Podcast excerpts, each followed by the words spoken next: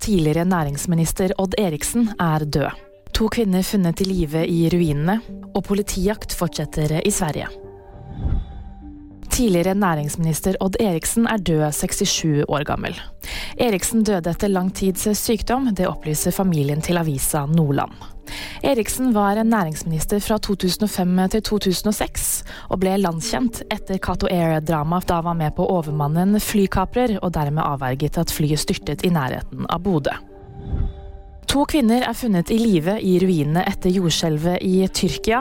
Kvinnene har ligget begravd i 122 timer, melder nyhetsbyrået Reuters.